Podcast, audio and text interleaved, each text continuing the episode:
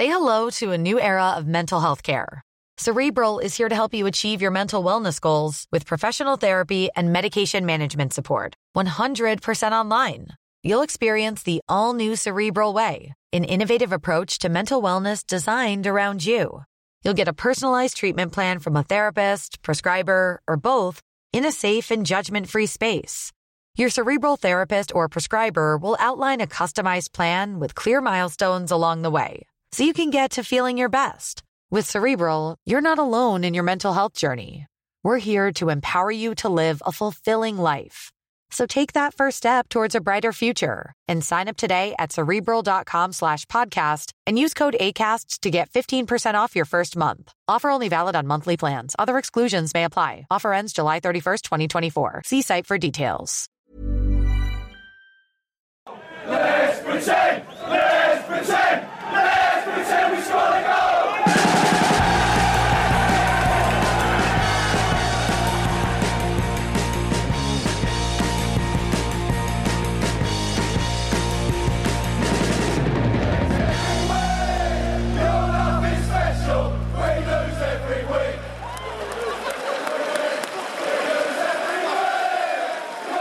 Det är måndag morgon i uh, Silly Seasons tjänst. Patrik Syket och jag, Makoto Asahara sitter mitt emot mig i studion. Vi, uh, vi struntade i alla morgonmöten och klev rakt in här för vi tänker att det är ju, det är en dag kvar att snacka silly på, så varför göra någonting annat? Nej, precis. Det, nu drar det ihop sig, får man ju säga. Det får man verkligen säga. Tick-tack. Tick-tack, Tick-tack. tick-tack, tick-tack. Eh, ja, vi måste börja prata Mbappé, eh, som hade the perfect night igår. Eh, när han startade för PSG, gjorde två mål i eh, deras seger mot Reims. Reims, som för övrigt har fler Champions League-finaler på CVt än vad PSG har. Ja, du ser. Mm. Eh, bara en sån sak. 50-talet, Europacupen, då var Reims, Stade de Reims var igång då. Mm. Eh, Mbappé som många har räknat in till Real Madrid. Eh, inte minst eh, en talkshow i, i eh, den spanska huvudstaden där, där, där det var upprört igår. Ja, Josep Pedrerol var sårad när han satt där i studion och skulle presentera de- den kvällens El Chiringuito de Jugones. När han eh, bara konstaterade att Mbappé gjorde två mål. Han hade sin perfect night som han tweetade. Han såg väldigt glad ut. På alla sätt och vis och Pedrerol kände sig naturligtvis personligt sårad för att eh, samtidigt så sitter ju Real Madrid och får noll respons från PSG angående det sista bud de har lagt. PSG säger hela tiden att ingenting har förändrats och eh, Mauricio Pochettino gick ju även ut och sa att Mbappé stannar med oss. Ja. Lite så. Eh, Så nu har, nu har det vänt. Ja, Nu blir ju Mbappé kvar. nu, alltså det som har pågått under den här helgen har ju varit att liksom Madrid-supportrar har på något sätt försökt läsa av varenda tecken på det Kylian Mbappé gör. Oj, han har en stor påse med sig från träningsanläggningen. Äh, han är klar, han är klar. Och liksom, ja men den där vet- kramen med vet ju alla vad Leonardo, stora påsar betyder. nej den där kramen med Leonardo, ah, nej den, den kändes liksom eh, sådär. Ja, men titta han pratar ju inte ens med sina lakan, Messi och Neymar tittar inte ens på honom på träningsanläggningen. Äh, men nu, nu är det halmstrån som greppas och Marca som ju ändå gick ut och basunerade ut att det typ var klart och imminent tidigare, vilket vilket var liksom en grund till att vi har gått igång ungefär som att det här kommer ske.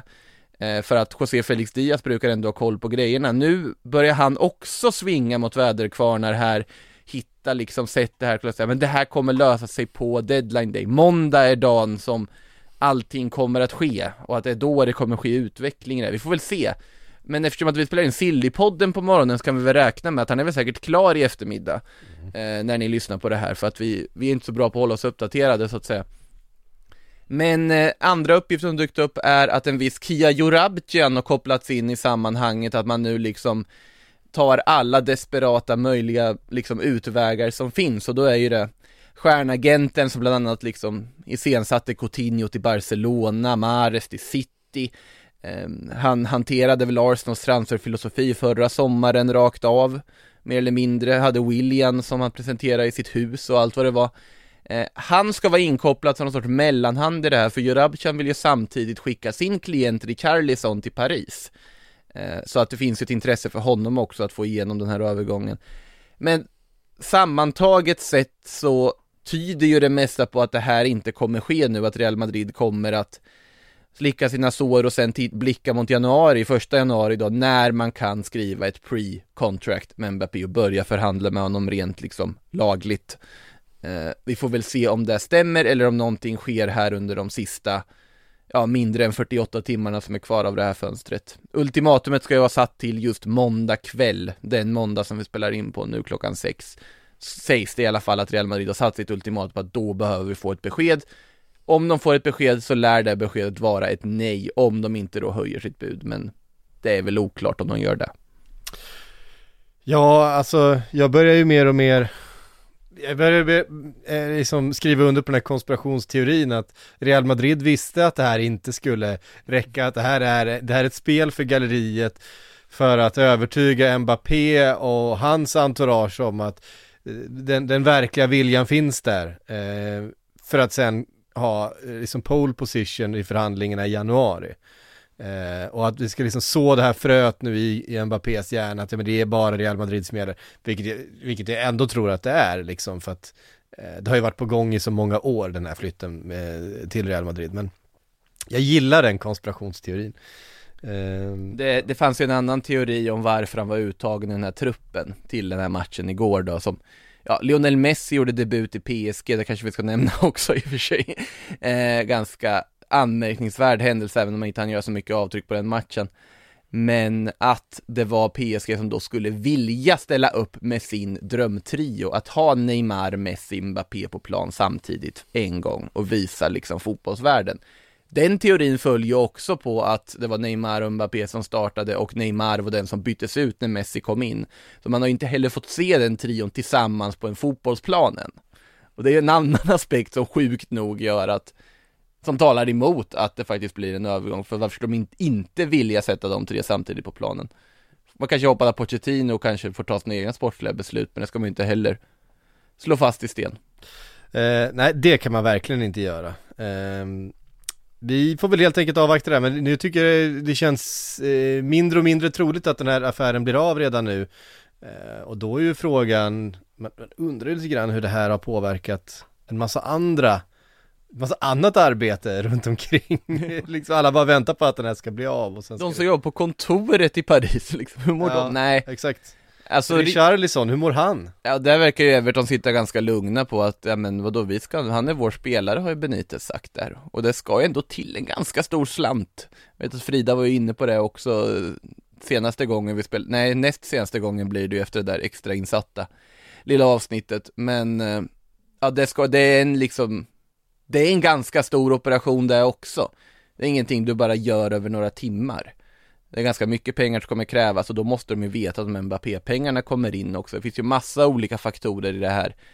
Men som sagt, alltså det här fönstret har ju varit så oförutsägbart och stökigt på så sätt, så vem vet vad som sker de här sista timmarna, även om vinden har vänt till att tyda på att Kylian Mbappé inte kommer att gå någonstans, för det känns som att han har inte tweetat ut att det var the perfect night, eller så har han fått, var han glad för att han visste att det här var hans avskedsföreställning. Mm. Det, det, finns ju den teorin också, men nu sitter man ju bara och funderar ut olika idéer, men om, om Josep Pedrerol har rätt, ja då kostar han ju 250-300 miljoner euro nu istället efter den där matchen. Han gick upp med en miljard i pris naturligtvis. Ja, naturligtvis. För att han gjorde två mål mot Reims borta. Uh, så att uh, då, då blir det svårt. Ehm, det var eh, intressant att du nämnde väderkvarnar där tidigare därför att eh, då kan vi använda det som, som en segway då via Don Quixote som ju slogs mot väderkvarnar och Cervantes som på 1600-talet skrev Don Quixote. Han flyttade från Madrid till Sevilla och vi flyttar också från Madrid till Sevilla nu då eftersom vi ska prata om Condé eh, och hans flytt eventuellt då till Chelsea. Jag vill, jag hängde vill, ni med där? Jag vill verkligen tro att du inte googlade att Cervantes har gjort den flytten nu, att du hade den grundkunskapen i huvudet. Ja, jag, jag, jag, visste att det fanns någonting med Cervantes, jag, jag dubbelkollade precis på, på google, så är det. Men, eh, men eh, eh, Chelsea som sålde Kurt Zuma i helgen, det får vi också nämna då att eh, Zuma klar för West Ham, tycker jag är en fin övergång. Eh, Jättebra för alla parter. Ja, och Chelsea hade nog räknat hem den här Kondé-värvningen, de ju ha varit överens eh, muntligen då om ett pris och så vidare. Sen har Monchi kommit på andra tankar. Ja, men där får ju Chelsea på något sätt skylla sig själva. Att man sitter och inväntar hela den här Kondé-sagan och så vidare, att man eh, då sen efter, ja men nu passar det för oss. Och då säger Monchi, ja men nu har det gått väldigt mycket mindre tid för oss att hitta en ersättare. Ja, då höjer vi priset. Ja, det, är så, Det, det är helt rimligt, det är helt rimligt tycker jag. Alltså, varför ska Sevilla är inte i någon ekonomisk kris att de är pressade att sälja honom? Ja, Condé vill dit. Men Jules Condé kommer inte att börja strejka för att göra sin, genomföra sin Sevilla-övergång, eller Chelsea-övergång menar jag. Vad jag vet i alla fall. Ehm, så att eh, det är väl helt rimligt av Monchi och sen tycker jag att det är en så bra mittback så att jag fattar varför Chelsea inte bara säger okej okay, och sen ger 15 miljoner euro. Det hade varit väldigt icke-Chelsea att bara göra det. Men eh, Monchi gör ju rätt på så vis och Chelsea känner väl att de ändå måste värva in den här mittbacken nu så att det är ett smart drag av honom. Samtidigt tittar väl Sevilla lite smått och det dykt upp uppgifter om vem som skulle kunna ersätta Kondé och då har pratat om Sven Bottman från Lill och då känns det ju återigen spontant som att Monchi är extremt smart om man får Bottman för ett billigare pris och får in honom, för det är ju en mittback som ändå kopplas till ganska bra klubbar efter sin succésäsong där i Frankrike, så att eh, det blir inte en helt obskyr Ligue Önback om det kommer en ersättare den här gången, utan faktiskt de det har pratats om en del. Så att bara det hade ju varit bra business, men vi får väl se om Chelsea och Sevilla lyckas komma överens på något sätt.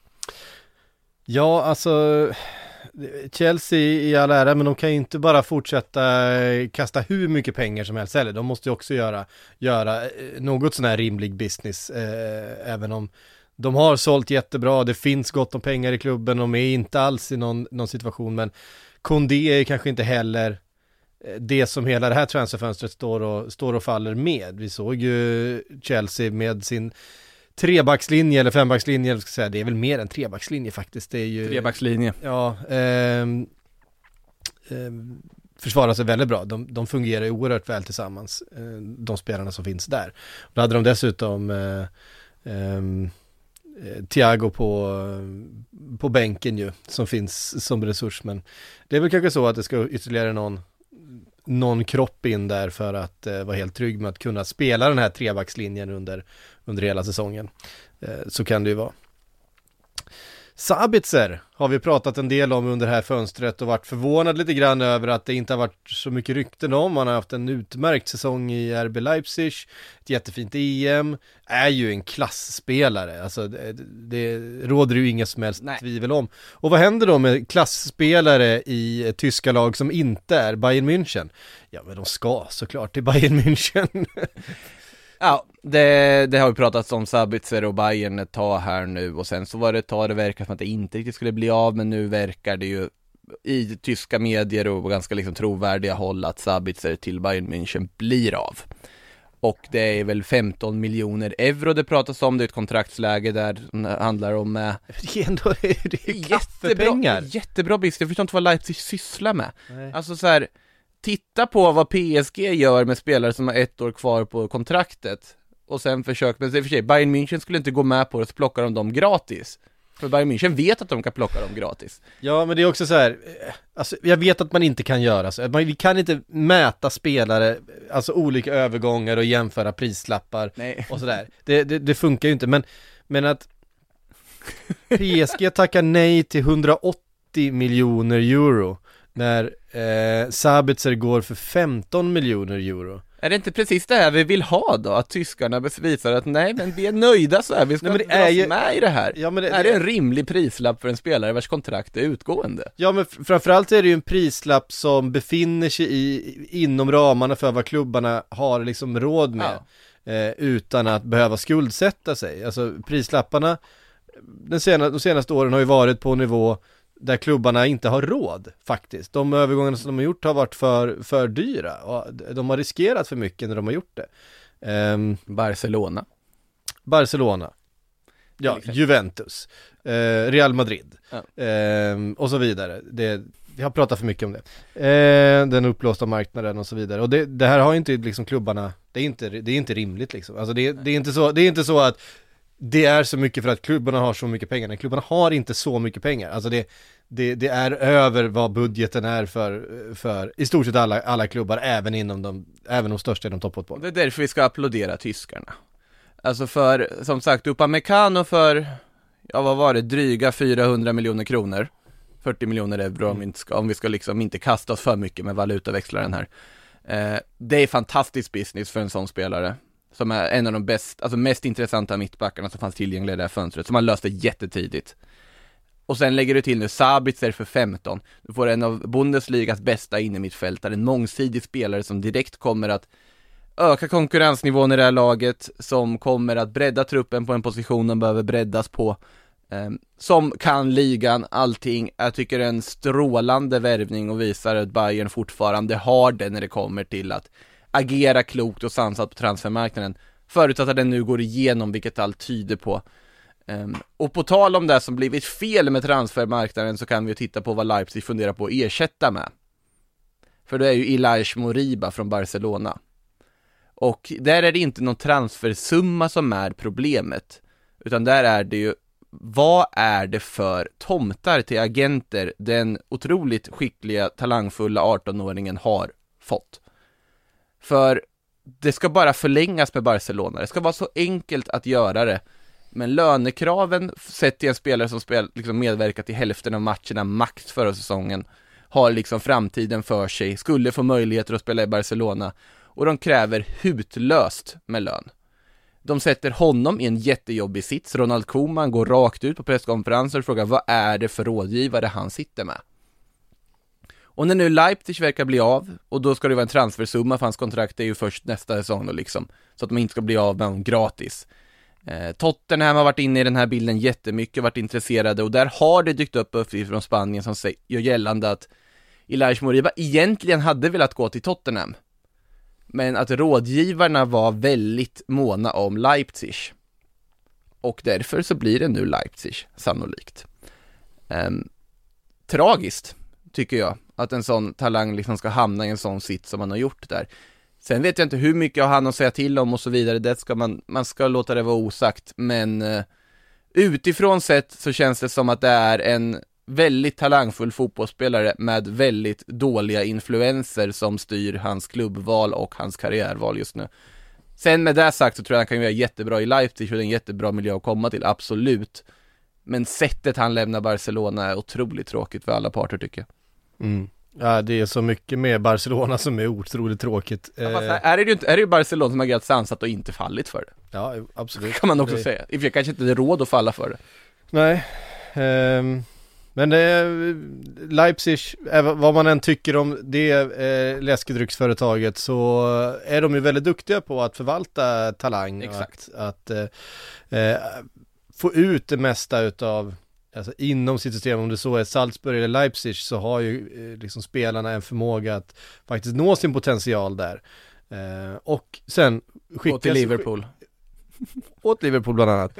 Eh, och sen eh, säljas vidare till eh, lag där man kan ta nästa steg för inte helt orimliga pengar. Men ta Haaland till exempel. Vidare till Dortmund från, från Salzburg. Jag tror i och för sig Elias hade varit en spelare som på sikt hade kunnat passa på det där kloppmittfältet. Vet ingenting om Elias, men, men varför inte? Han är välkommen. Det, ja. det behövs kanske en kropp till där. Elias Moriba till Liverpool inom tre år, där har ni den. Ja, Harvey Elliot, det... Ja, i och för sig. Det funkar. Um, det var ju, det får väl kanske vara en segway över då till Saul Niguez. Um, som ju länge ryktades till det där mittfältet. Uh, till Liverpool, men också till Manchester United och till uh, andra. Chelsea också, ja. var det mycket tal om. Och och eh, verkar nu bli kvar i Atleti istället. Ja, det verkar faktiskt som att han blir kvar där. Det är väl den, den signalen man har fått här och det kan ju faktiskt vara någon form av effekt av Ja, Cristiano Ronaldo-värvningen.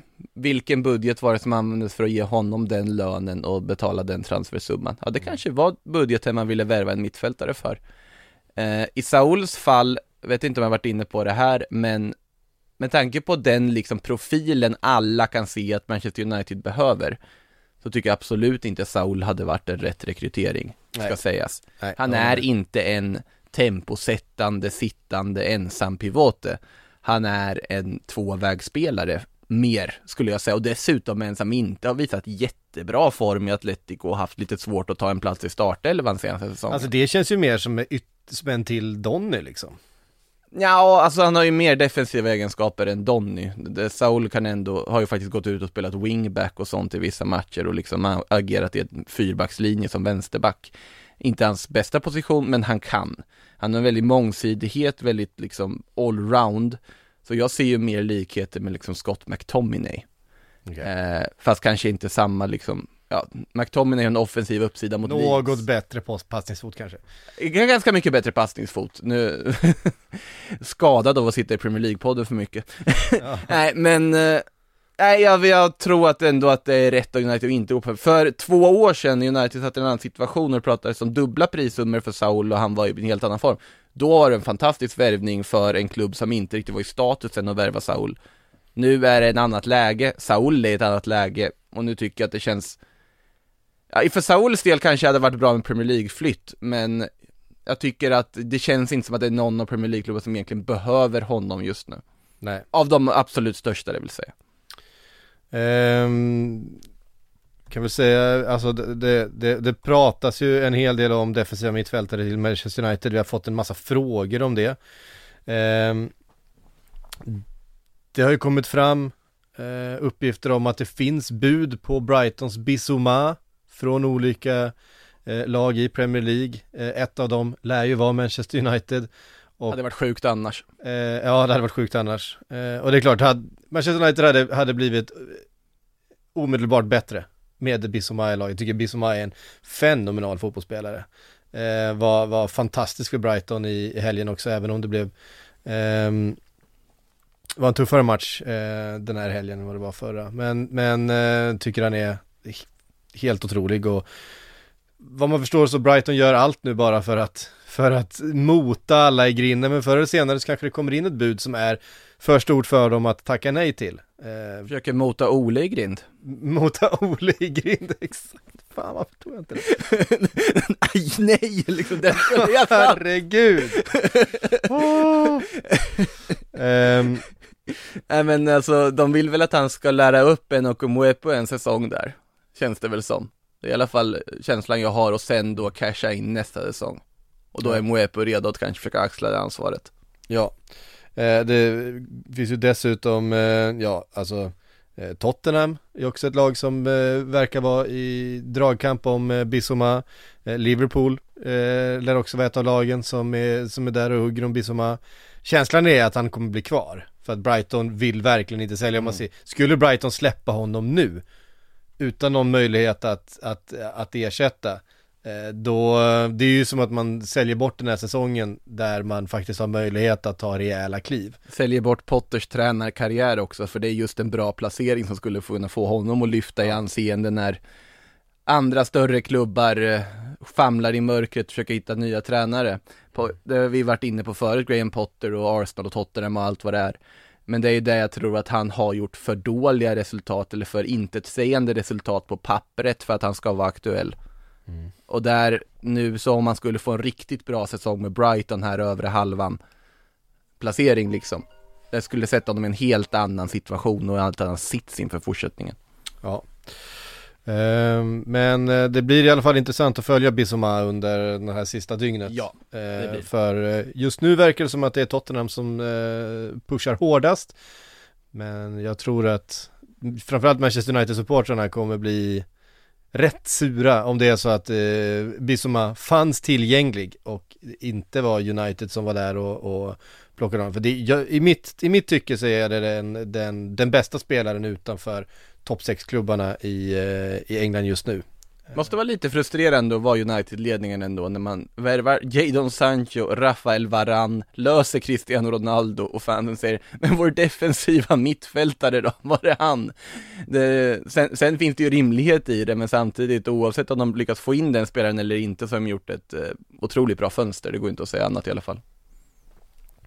Nej, eh, alltså verkligen. Uh, jag hade ett namn till här på uh, körschemat uh, som du slängde in. Kang In Lee. Valencia-haveri.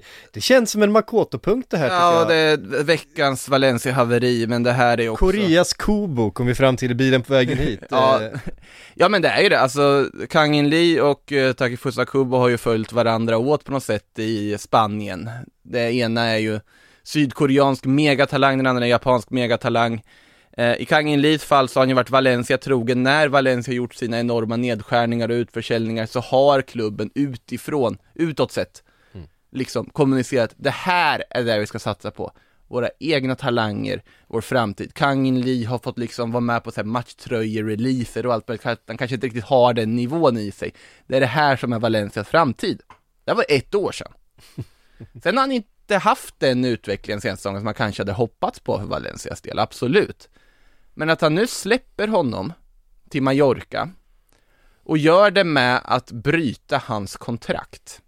Och nu är det, det är ingen återköpsklausul, det är ingen liksom first refusal, det finns ingenting på något sätt som binder Kang In Lee till Valencia överhuvudtaget något mer. Och man ger bort honom helt gratis till Mallorca.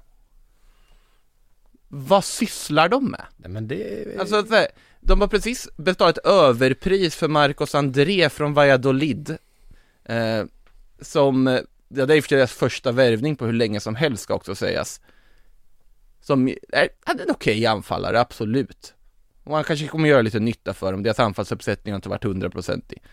Men det ger de då bort sin liksom framtid. De ger bort en spelare som jag, han kanske inte platsar idag men behåll på något sätt, låna ut, jag vet inte vad, men vad, vad, vad är det här för något? Och samtidigt uppgifter då om att Gonzalo Guedes fortfarande kan säljas utan att de ska kunna ta in någon ersättare under sista dagarna.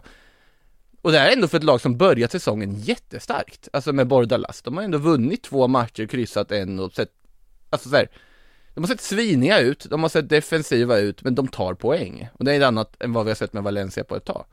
Så att, ja, nej det tråkigt för dem att det kommer sådana här grejer igen liksom. Och sen skulle inte förvåna mig om Kang In kommer frodas i Mallorca nu där Takifusa Kubo såklart har frodats tidigare och nu åter är på lån, så nu ska de spela tillsammans dessutom i Mallorca, som även de inlett med två segrar och en oavgjord på säsongen och ser väldigt intressanta ut som nykomling, så att eh, Mallorca, om ni ser dem någon fredagkväll i tablån och inte har något annat för er, slå på, för det kan vara ganska underhållande. Mm. Vi måste ta upp en annan, eh, en annan övergång här före vi eh, svarar på lite frågor och det är ju Maxwell Cornet som, eller Cornet, jag vet inte hur det ska uttalas, Från, från eh, Lyon Lyon, ja. som eh, signat för Burnley. Eh, ganska fin värvning. Kanske inte något vi automatiskt hade, hade ägnat sådär jättemycket tid åt i Sillypodden. Eh, jag vet inte hur många Burnley-supportrar där ute, men, men det är någon, en spelare vi kommer få se. Men det som är så fantastiskt med den här är ju bilden som har tagits på honom. Där han, där han då tänker att han ska peka på klubbmärket. Eh, han har alltså gjort 250 matcher för Lyon, eh, ska säga. Det är ju, han har ju gått från eh, liksom att vara en institution i, i ett lag till en, en miljö han kanske inte riktigt är helt bekant med. Kvick vänsterytter, vänsterback är det väl va? Lite så här, kan spela båda. Wingback, ytter. Ja, något sånt. Känns ändå som någon ska göra lite skillnad för Burnley och Ja, men det sportligt. känns, känns lite, lite kreativt eh, i ett lag där eh, inte alla kanske har de, de rappaste fötterna. Men bilden som då tas, han ska pekar på sitt nya klubbmärke, är då en bild på Maxwell Cornet när han pekar på Umbro-märket som sitter på höger sida uh, istället för på Burnley-emblemet som sitter på vänster sida. Han har helt enkelt ingen aning. Alltså, jag vet, jag vet inte hur det blev så här, men det är jätteroligt i alla fall.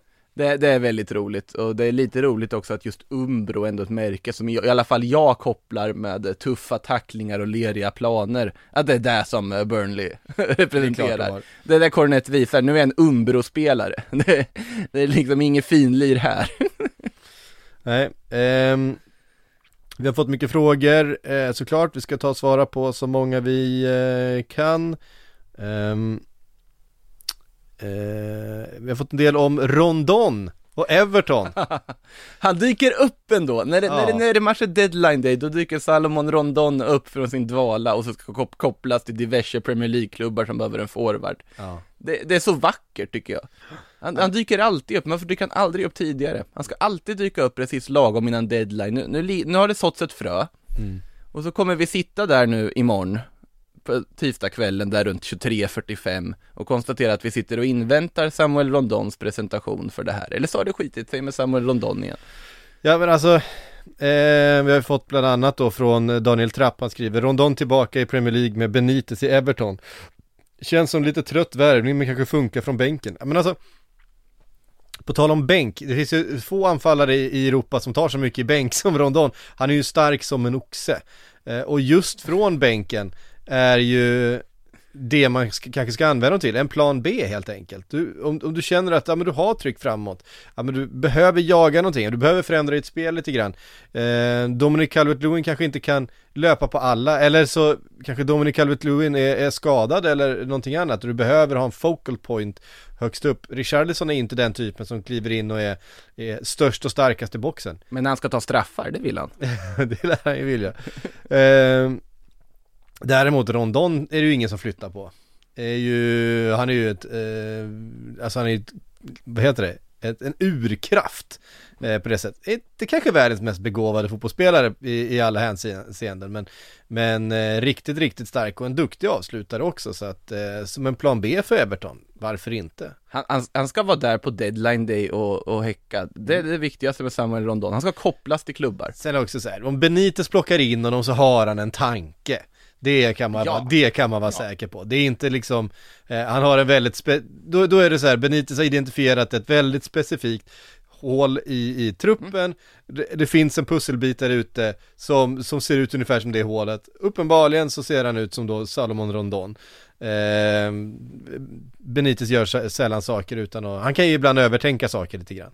Eh, men, men eh, det kan säkert bli bra. Det, det, blir väl inte, det blir väl liksom inte 30 eh, matcher i ligan direkt för eh, Rondon. Det blir några inhopp och det blir lite kupper och det blir lite olika grejer och sen så eh, om Calvert Lewin blir skadad, ja men då kanske man vill ha lite mm. tryck i boxen och en, en duktig huvudspelare och lite eh, sådär, ja men då in med honom då. Det är Benitez vi fortfarande idag ska tacka för att Lucas Vasquez spelar i Real Madrid.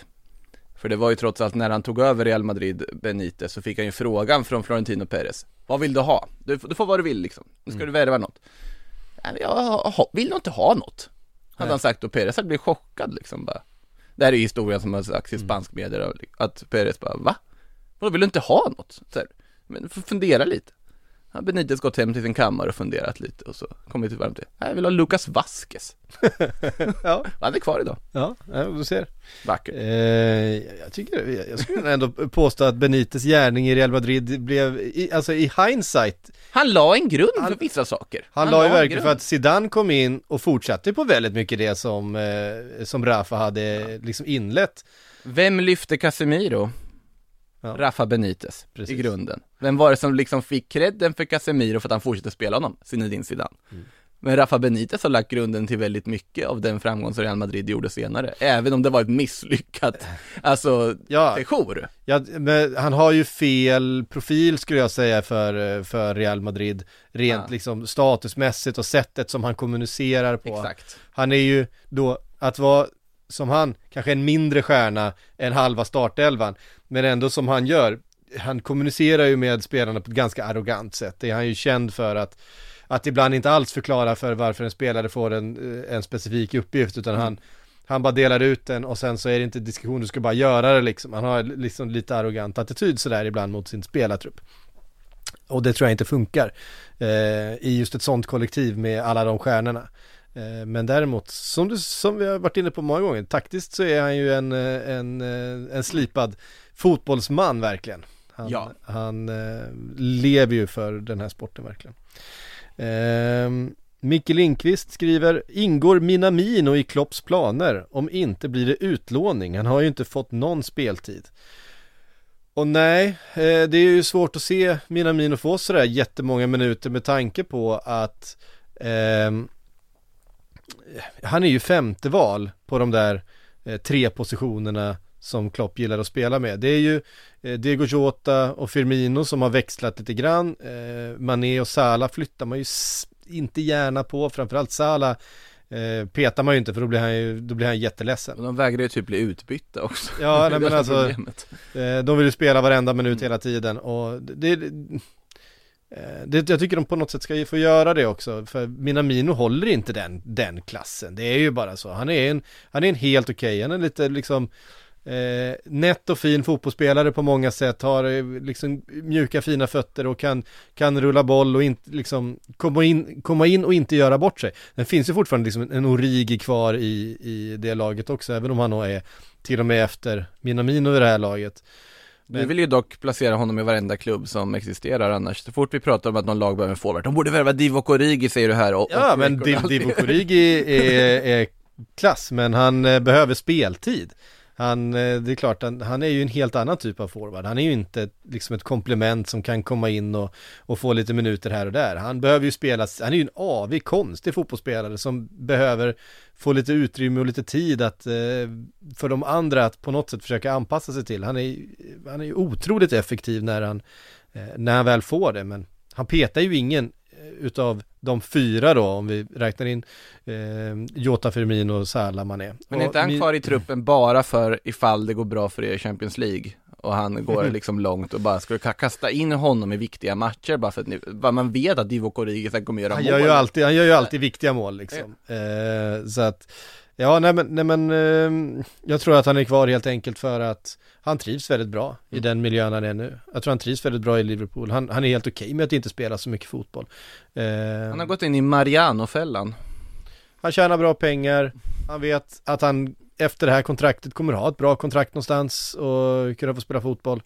Ehm, jag hade tyckt det var kul att se honom som eh, en, en main striker i ett lite mindre lag där han kunde få eh, spela, för han, han har en jävla massa kvaliteter. Men just Minamino, hade det kommit in ett attraktivt lå- låneerbjudande på honom så tror jag säkert att de hade kunnat nappa på det.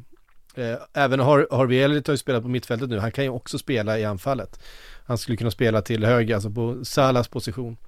Apropå forwards, är det en helt annan sak, men vi borde väl nämna att Moise Keane är typ.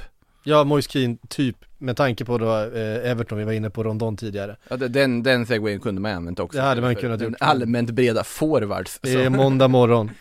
Eh, men Juventus, verkar det ju som att han blir Cristiano Ronaldo ersättare, det gick ju ganska fort liksom att Det är ju en ganska rörig deal där Med lån, med köpoptioner och hit och dit efter att de ändå sålde honom och så var det ju allt möjligt där och som var lite stökigt när han lämnade Juventus som en eh, Hans pappa som saknade två traktorer som Juventus, eh, det var ju allt möjligt, jättekonstiga saker som var inblandade men i slutändan nu verkar han komma tillbaka till Juventus jag skulle väl ändå vilja säga som en lite mer liksom eh, erfaren fotbollsspelare, även om Everton-tiden inte blivit lyckad så var ju PSG-lånet en supersuccé.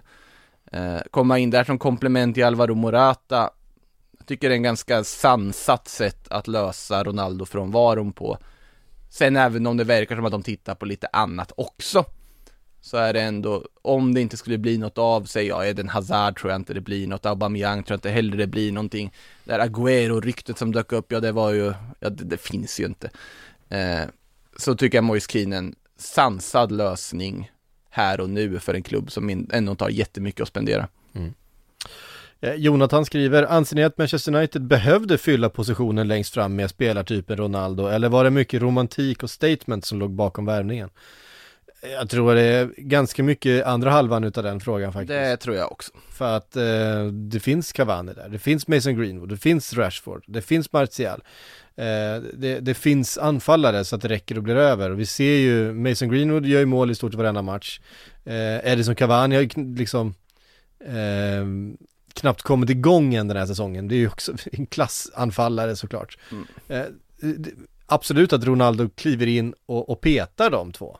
Eh, så är det ju. Och det tycker jag inte är något konstigt, men vi var inne på det förut, det finns ett annat, ett annat behov i det här laget för att alla bitar är liksom på plats. Vi såg matchen igår mot Wolves, eh, vi kommer prata mer om den såklart i Premier League-podden. Vi såg matchen igår mot Wolves som är, Varann kommer in och är superbra, liksom, eh, jag tycker Luke Shaw gör en jättebra match, anfallet är där liksom, vi vet att Pogba och, och Bruno är, är, är klassspelare och längst fram finns det klass. Men så springer Fred runt där på defensivt mittfält och blir rundad gång på gång på gång utav Traoré. Vilket man kan bli, Traoré är rätt bra på att runda spelare. Men han slår också bort bollar och är liksom allmänt liksom på hälarna hela matchen. Och det, det märks att det liksom droppar av. Det var ju först när Luke Shaw började kliva in och faktiskt räddar ju Fred vid ett par tillfällen eh, med viktiga brytningar på eh, eh, Traoré. Visar att ja, det går faktiskt att bryta även, även mot Traoré när han kommer. Det går faktiskt att försvara sig mot honom också. Man behöver inte stå och bara se uppgiven ut. Eh, så att ja, det, finns ett, det finns ett enormt behov, tycker jag, i det här laget. Och Bissoma som vi var inne på hade gjort hade gjort otrolig nytta. Sen, sen tycker jag att äh, såklart det är prioritet, sen kan jag ändå se värdet sportsligt såklart Ja, ja, alltså han, han förbättrar ju ändå, Exakt, alltså, han förbättrar ändå laget, det är inte som att han blir fullkomligt överflödig, för det var ändå snack om att vi inte, vi hade sett rimlighet i att jaga Harry Kane. Ja, ja, Ja, absolut. så ur det perspektivet, absolut finns det en rimlighet i det, men sen såklart det bara är sentimental skäl som är den primära anledningen till att man gör det här. Och dessutom backlashen som skulle kunna skett om det hade blivit Manchester City istället. Ja, men man får ju också man får ju också in en, en eh, liksom en, en kommersiell eh, superkraft här i Cristiano Ronaldo. Mm. Bara all uppmärksamhet runt eh, Cristiano i, i Manchester United-tröjan igen, allt vad det kommer betyda för deras sponsorer eh, runt om i världen, alla deras eh, nudelparter och hålfotsinläggspartners och, eh, och så vidare eh, världen över. Eh, att Cristiano är där, det, det betyder jättemycket också.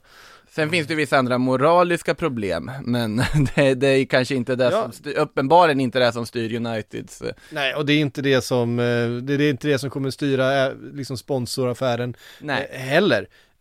Så är det ju tyvärr Mm. i, i den här världen, att det spelar nästan ingen roll hur problematisk man är. Som privatperson, är du bara en jättebra fotbollsspelare så är du en helt utmärkt ambassadör för ehm, för vad som helst eh, i stort sett.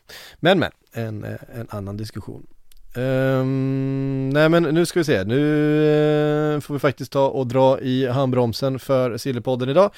Eh, vi ska kasta oss rätt in, hämta lite mer kaffe så ska vi göra en Premier League-podd, så ska vi ringa upp Frida eh, och så ska vi prata om den senaste omgången där.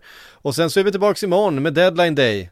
Eh, då blir det förhoppningsvis åka av. Jag eh, ser, jag, alltså jag har en känsla av att det kommer hända en del, även om Mbappé blir kvar. För det hade såklart, om det händer idag eller imorgon så blir ju det den stora eh, katalysatorn för en, eh, någon slags, det blir ju alltid ringar på vattnet av den här typen av jätteaffärer och då ska köpas en ersättare och det är liksom olika avgifter som trillar ner till mindre klubbar som plötsligt kan ta den där spelaren eller gå på det där extra lånet av någon, ja, som det är. TikTok, TikTok. TikTok, TikTok. Ehm, ja, om typ ett dygn så är vi tillbaks, då är det deadline day. Ehm, härifrån säger vi tack för att ni har lyssnat.